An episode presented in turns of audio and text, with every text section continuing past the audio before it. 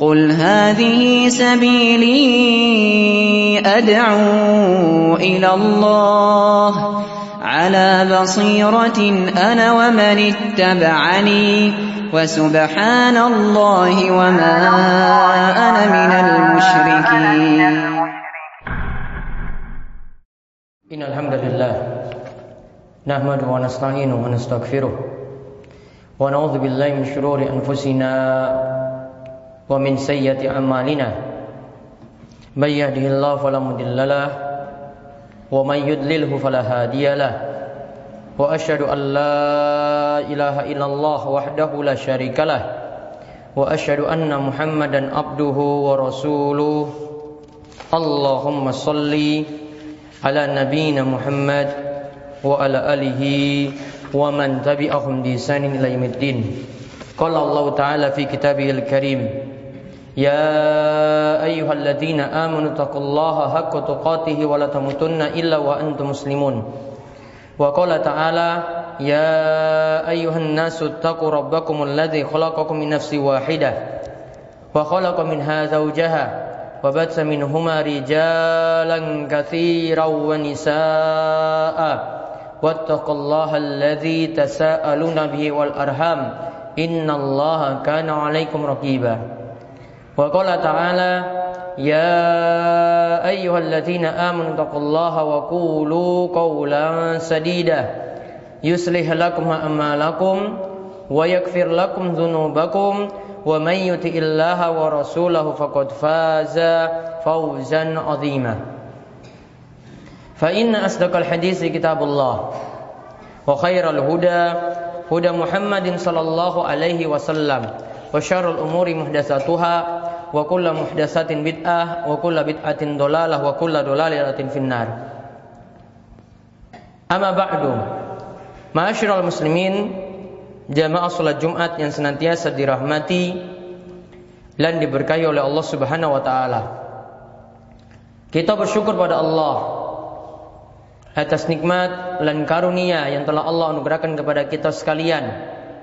Sehingga di hari Jumat yang penuh berkah ini kita semua masih dalam keadaan sehat, diparingi umur panjang oleh Allah Subhanahu wa taala diberikan kemudahan, hidayah, taufik untuk bisa melangkahkan kaki kita sekalian ke masjid yang mulia ini dalam rangka untuk menjalankan kewajiban sholat Jumat secara berjamaah. Mudah-mudahan dengan nikmat-nikmat yang ada membuat kita semakin bersyukur pada Allah Subhanahu wa taala, mensyukuri nikmat-nikmat yang begitu banyak yang telah Allah anugerahkan kepada kita sekalian. Dan sebagaimana kata Ibnu Qayyim yang namanya syukur yakunu bil qalbi. Bisa jadi bentuknya kita yakini nikmat-nikmat yang ada dalam hati. Wabil lisan kita juga meyakini nikmat yang ada, mengakui nikmat yang ada dengan kita mengucapkan dalam lisan. Kemudian wa yakunu bil jawarih. Dan juga nikmat tadi kita realisasikan kita gunakan untuk melakukan amalan ibadah pada Allah Subhanahu wa taala. Jadi nikmat tadi kita gunakan untuk ketaatan pada Allah. Maka kalau kita dapat nikmat bukan hanya kita mengucapkan alhamdulillah. Kalau kita mendapatkan nikmat bukan hanya kita mengucapkan alhamdulillah. Namun sebagaimana dikatakan oleh Abu Hazim, seorang yang zuhud yang dikenal zuhud di masa silam. Beliau itu mengatakan kalau orang itu cuma bersyukur dengan lisan saja. Dia hanya mengucapkan alhamdulillah, walam yashkur bi jami'i Lantas dia tidak bersyukur dengan anggota tubuhnya yang lainnya. Maka itu seperti orang yang punya pakaian, dia cuma ambil ujung pakaiannya saja, tidak seluruh pakaian, lantas pakaian tadi tidak berguna untuk melindungi dia dari dingin, dari panas, dari salju dan dari hujan. Maka pakaian tadi tidak manfaat lagi. Maka kalau kita bersyukur cuma mengucapkan alhamdulillah saja namun kita tidak pernah ibadah, tidak pernah melakukan ketaatan, tidak ingin mendirikan salat, maka itu bukanlah syukur yang sebenarnya karena syukur itu dengan hati syukur itu dengan lisan, syukur dengan kita itu beribadah pada Allah Subhanahu wa taala. Mugi-mugi kita termasuk di antara hamba Allah yang senantiasa bersyukur sehingga Allah terus menambah kita nikmat-nikmatnya. Salawat dan salam semoga tercurahkan kepada junjungan kita Nabi besar Nabi Agung Muhammad sallallahu alaihi wasallam pada para sahabat, para tabi'in, para ulama serta setiap pengikut Nabi yang mengikuti beliau dengan baik hingga akhir zaman. Ma'asyiral muslimin rahimani wa rahimakumullah. Ada nikmat yang begitu besar jika kita mendapati istri, mendapati pasangan hidup kita seperti yang disebutkan oleh Nabi SAW berikut ini. Nabi SAW itu bersabda, "Miyumnil mar'ati." Sungguh anugerah besar. Tanda seorang itu mendapatkan berkah jika dia mendapatkan antayassara khidbatuha wa ayyatayassara sadaquha wa ayyatasa wa ayyatayassara rahimuha. Sungguh beruntung akan membawa berkah jika seorang laki-laki itu mendapatkan wanita yang punya sifat mudahan. Yaitu mudah sekali dia itu dilamar, dikhidbah. Mudah sekali ketika dia itu mudah sekali ketika ingin menunaikan maharnya. Karena tidak terlalu tinggi mahar yang ditetapkan. Mas kawin yang tidak ditetapkan yang ditetapkan tidak terlalu tinggi. Dan juga sungguh beruntung kalau wanita tadi juga mudah memiliki keturunan. Juga beruntung sekali kalau laki-laki itu mendapatkan wanita yang disebutkan oleh Nabi SAW sebagai wanita soleha yang dicirikan oleh Nabi SAW mengandung empat sifat. Wanita soleh itu mengandung empat sifat. Yaitu kata Nabi SAW, Iza solatil mar'atu khomsaha. Jika wanita itu telah menunaikan solat lima waktu. Wasomat syahroha. Dan dia menunaikan puasa di bulan Ramadan. Wahafizat farjaha. Dan dia menjaga benar-benar kemaluannya. Tidak selingkuh. Lalu yang keempat kata Nabi SAW, wa ata'at zaujaha dan dia mentaati suaminya. Maka ketika itu Nabi SAW katakan maka ada yang katakan kil laha udkhulil jannah min ay abwabil jannati syi'ti.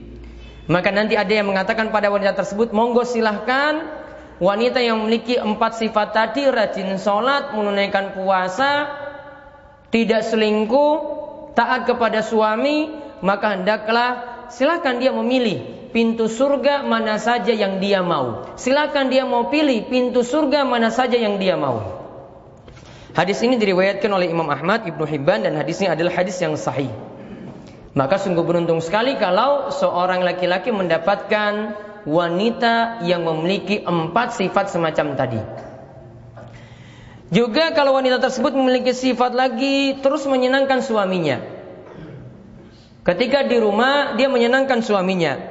Maka ada hadis dari Abu dari Abu Hurairah radhiyallahu anhu ia mengatakan, pernah ada yang bertanya kepada Kanjeng Rasul sallallahu alaihi wasallam, "Ayun nisa'i khair?" Wanita mana yang paling saya? Wanita mana yang paling baik? Maka kata Rasul sallallahu alaihi wasallam, tasurruhu idza wa tuti'uhu idza amara wa la tukhalifuhu fi nafsihi wa maliya bima yakrah. Kata Nabi SAW wanita yang paling baik yang menyenangkan suaminya. Itu yang pertama ketika dipandang. Menyenangkan suaminya ketika dipandang. Taat ketika diperintah oleh suaminya yang kedua. Yang ketiga dia tidak pernah mengkhianati apa yang diamanati padanya pada diri dan juga pada hartanya yang membuat suaminya itu benci. Maka wanita soleha tadi punya sifat enak untuk dipandang. Dia benar-benar taat pada suaminya, memenuhi perintah suami. Kemudian wanita tersebut tidak mengkhianati suaminya dalam hal diri maupun hartanya. Dia tidak mengkhianati suaminya. Maka ini adalah wanita yang dikatakan wanita yang terbaik.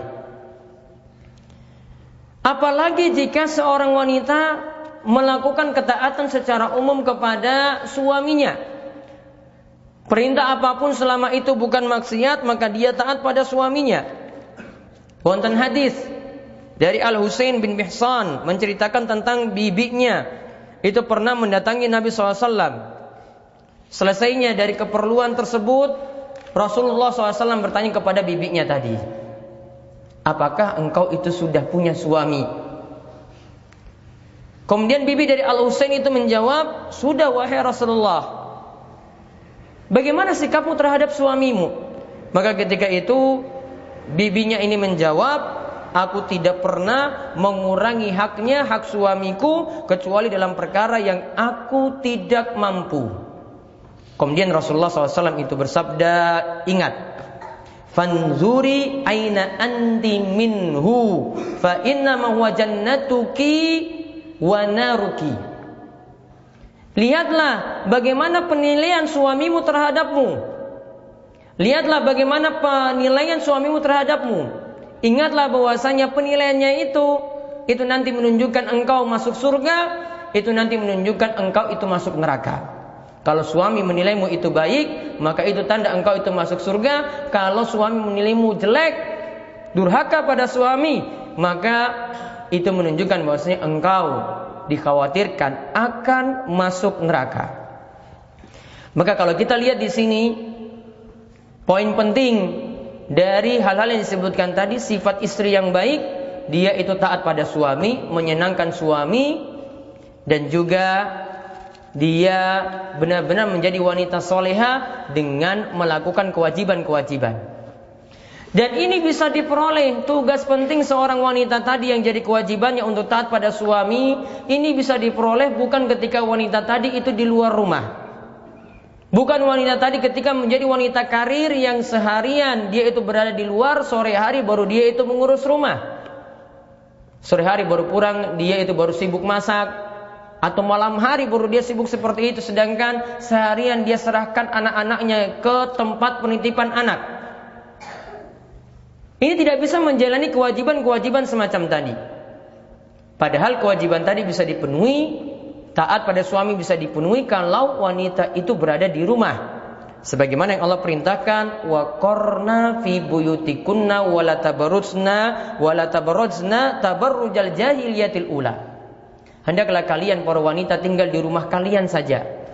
Dan janganlah kalian berdandan menor seperti dandannya orang-orang jahiliyah dan wanita yang berada di rumah itulah wanita yang benar-benar menjaga diri. Kata Allah Subhanahu wa taala pula dalam surat An-Nisa ayat 34 fasalihatu qanitatun hafizatun lil ghaibi bima hafizallah. Sebab itu wanita yang soleh Wanita yang soleha ialah wanita yang taat kepada Allah dan benar-benar menjaga dirinya untuk suaminya. Dia benar-benar menjaga dirinya untuk suaminya. Maka kriteria istri yang baik yang kita itu dapati kalau kita dapati sifat-sifat yang telah disebutkan tadi.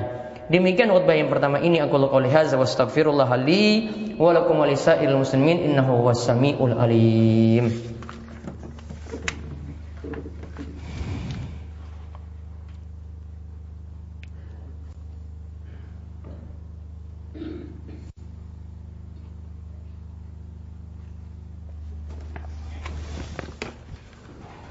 Alhamdulillahi rabbil alamin.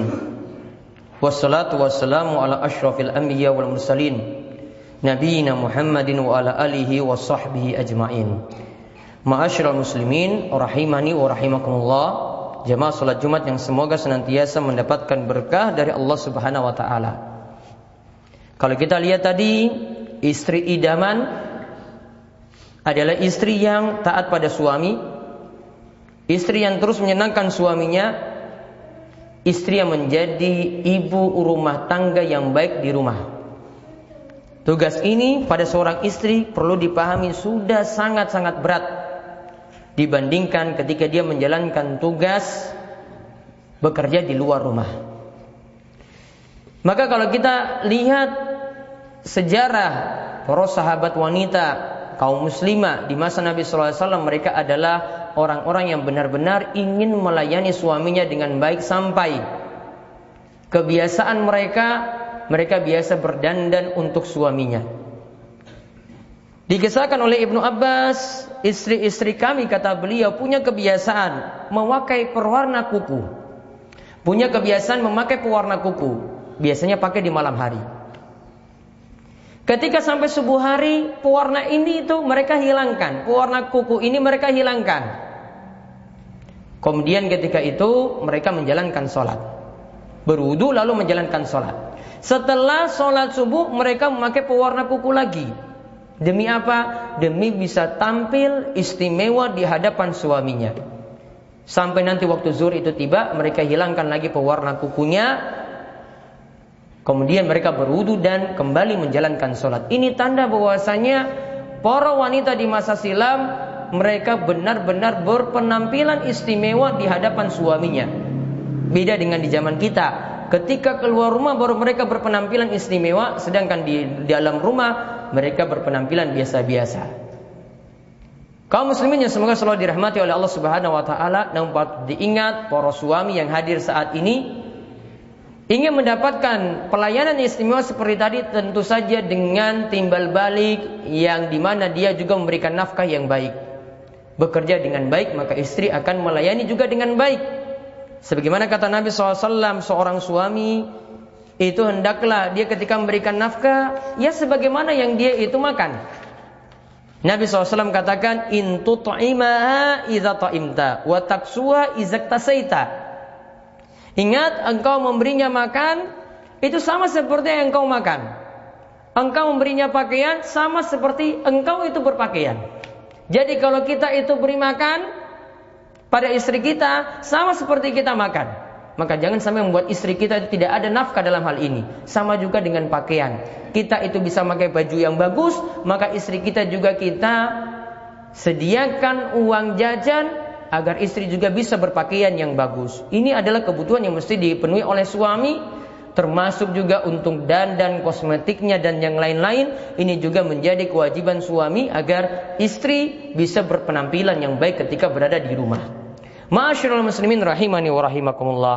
Yang kita doakan di sini, moga Allah anugerahkan kepada kita menjadi suami yang soleh yang dapat menjadi pemimpin dalam rumah tangga. Juga kita dianugerahkan istri-istri yang soleha yang menjadi kurota ayun bersama dengan anak-anak kita menjadi penyujuk mata bagi kita sekalian dan Allah menganugerahkan kepada istri kita menjadi istri yang taat dan selalu menyenangkan ketika dipandang.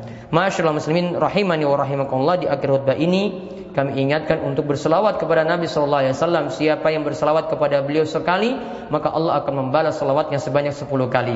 Dan arti selawat dari Allah yaitu ampunan dari Allah Subhanahu Wa Taala. Inna Allah malaikatahu yusalluna ala nabi. Ya ayyuhalladzina amanu sallu alaihi wa sallimu taslima. Allahumma salli ala Muhammad wa ala ali Muhammad kama sallaita ala Ibrahim wa ala ali Ibrahim innaka Hamidun Majid. Allahumma barik ala Muhammad wa ala ali Muhammad kama barak barakta ala Ibrahim. Wa ala ali Ibrahim innaka Hamidun Majid. Marilah kita manjatkan doa pada Allah. Moga setiap doa kita diperkenankan di hari Jumat yang penuh berkah ini. Allahumma fir lil muslimina wal muslimat Wal mu'minina wal mu'minat Al ahya'i minhum wal amwat. Innaka sami'un qaribu mujibu da'wat. Allahumma alif baina kulubina Wahdina subulas salam Wa najina minal zulumati ilan nur Wa jannibna al fawahisha ما ظهر منها وما بطن وبارك لنا في أسمائنا وأبصارنا وقلوبنا وأزواجنا وذريتنا وتب علينا إنك أنت التواب الرحيم واجعلنا شاكرين لنعمك مثنين بعليك قابلين لها وأتمها علينا ربنا هب لنا من أزواجنا وذريتنا قرة أعين واجعلنا للمتقين إماما. ربنا هب لنا من أزواجنا وذريتنا قرة أعين واجعلنا للمتقين إماما. ربنا هب لنا من أزواجنا وذريتنا قرة أعين واجعلنا للمتقين إماما. ربنا آتنا في الدنيا حسنة وفي الآخرة حسنة وقنا عذاب النار. وصلى الله على نبينا محمد وعلى آله وصحبه ومن تبعهم بإحسان إلى يوم الدين. وآخر دعوانا أن الحمد لله رب العالمين.